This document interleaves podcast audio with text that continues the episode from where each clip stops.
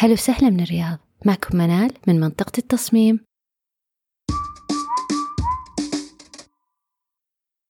تكلمنا في الموسم الأول عن تصميم بعض مساحات المنازل.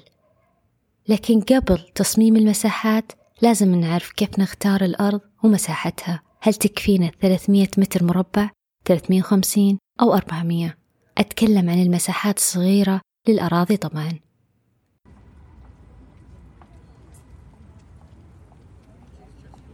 هل الأرض شرقية أم غربية أفضل؟ على شارع ثلاثين أو عشرين متر. إذا يهمك الموضوع حضر ورقة وقلم واستعد معانا.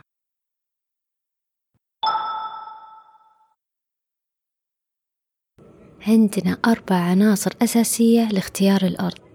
العنصر الأول والمهم الحي.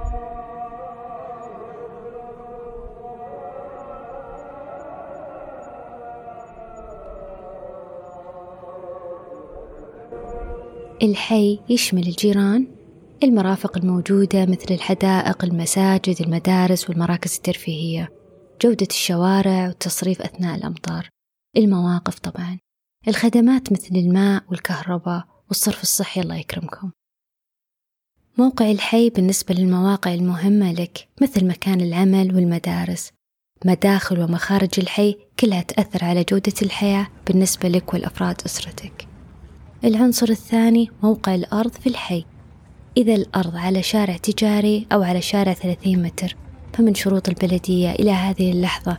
من تسجيل الحلقة أن الارتداد الأمامي للمنزل هو خمس عرض الشارع. يعني إذا 30 متر هو عرض الشارع فإن الارتداد الأمامي ستة أمتار وهي قسمة 30 متر على خمسة. يمنع في الستة أمتار البناء ويقصد بذلك حدود الأرض إلى جدار المنزل ستة أمتار. طبعا نستثني الملاحق واشتراطات البلدية لها. أما إذا كان عرض الشارع عشرين متر فالارتداد بعد العملية الحسابية سيكون أربعة أمتار. وهكذا. هذه الأرقام لابد أن تؤخذ بعين الاعتبار عند شراء الأرض.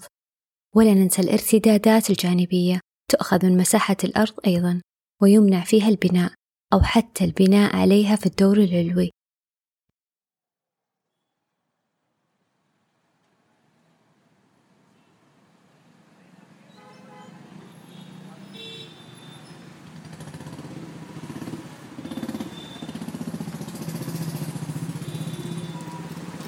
النقطة الثانية في حالة وجود مرافق عامة محلات تجارية محطة بنزين أو حتى مدرسة.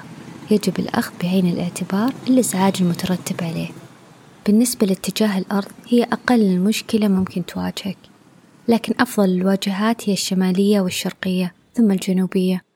هذه في المناطق الحارة. أما المناطق الباردة فبالتأكيد العكس. العنصر الثالث هو نوعية التربة. معرفة نوعية التربة يعتمد على الاختبار.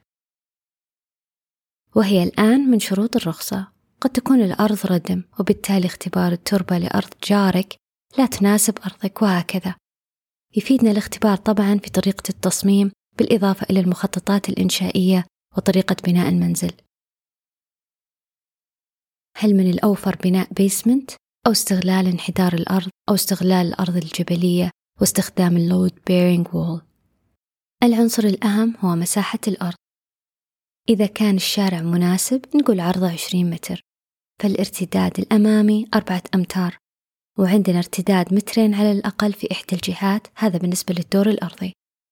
فلو فرضنا أن الأرض مساحتها 375 فراح يكون عندنا 265 متر مربع هي مساحة البناء.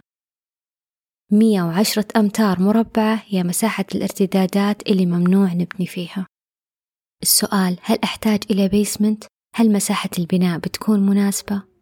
هل ميزانيتك تسمح؟ أم أنك مجبر لأنك تحفر بالأرض بسبب اختبار التربة؟ هذه الأسئلة تعتمد على نوع الأرض وبالتأكيد على ميزانيتك عندنا في مثالنا السابق 21 متر في 13 متر هي أبعاد الأرض بدون ارتدادات أي هي أبعاد البناء نحتاج نجاوب على الأسئلة وبناء عليها نعرف إذا الأرض مناسبة لنا أو لا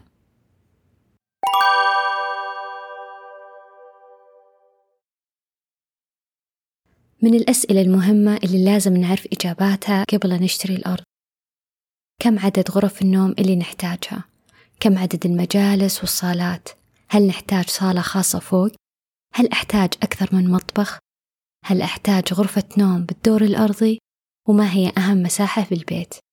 عدد الضيوف والأشخاص إذا تحتاج مساعدة على هذه الأسئلة أنصحك ترجع لحلقات الموسم الأول لفهم أكثر لاستخدام المساحات وبناء عليها تقيس احتياجاتك لو فرضنا أن الأرض 375 متر مربع مثل ما ذكرنا سابقا كيف أعرف إنها كافية؟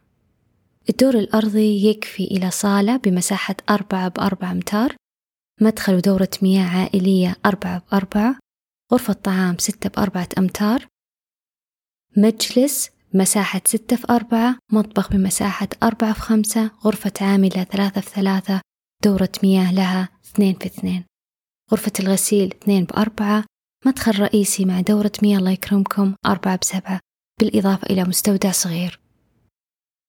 المساحات بدون أي هدر مع وجود درج وطبعا ما نقدر نوفر حديقة مناسبة. الدور الأول الخيار فيه بيكون أربع غرف نوم مع دورتين مياه الله يكرمكم وغرفة نوم رئيسية مع ملحقاتها أو ثلاث غرف نوم مع غرف ملابس ودورات مياه مستقلة بها ولكن المساحة بتكون ضيقة. هذا فقط مثال يوضح لكم طريقة توزيع الأرض وممكن يكون التصميم بطريقة مختلفة على حسب احتياج مستخدمي لكن بس حبيت أبين لكم الفكرة. نسمع كثير نصائح عن أفضلية شكل الأرض إذا مستطيلة أفضل في التصميم. ولكن سواء الأرض مستطيلة مربعة أو حتى غير متوازية الأضلاع هو تحدي جميل للمصمم للإبداع بطريقة مختلفة. الإبداع فيها ينتج منزل رائع إذا كان المعماري متمكن. فقط أعطي المعماري مجال للإبداع بدون تعديلات غير منطقية. طبعا قبل شراء الأرض نتأكد من الأوراق الرسمية والصك وخلو الأرض من أي مطالبات أو إيقاف. وآخر نقطة كود البناء المطبق في الحي. فمثلا بالرياض عندنا كود وادي حنيفة يختلف عن كود المسار الرياضي. بالإضافة طبعا إلى كود البناء السعودي. أعد حساباتك وافهم كود البناء أو استشر معماري استشاري. بيساعدك في فهم الاشتراطات قبل شراء الأرض. طيب إذا كنت بتشتري منزل لإعادة ترميمه في نقاط أساسية مهمة قبل شراء المنزل.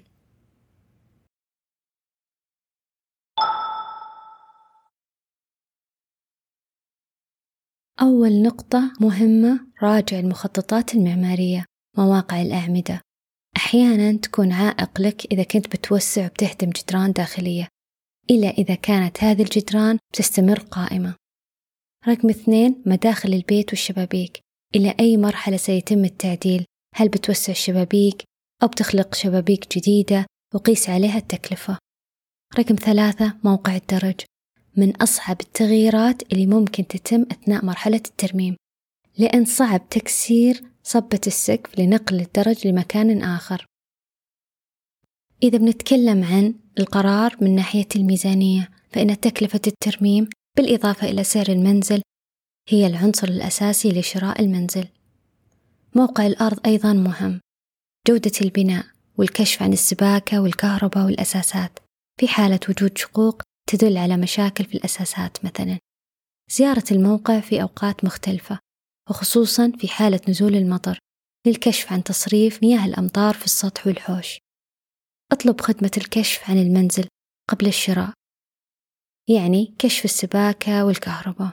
أطلب استشارة من معماري أو مهندس إنشائي كذلك بيساعدك كثير في اتخاذ القرار.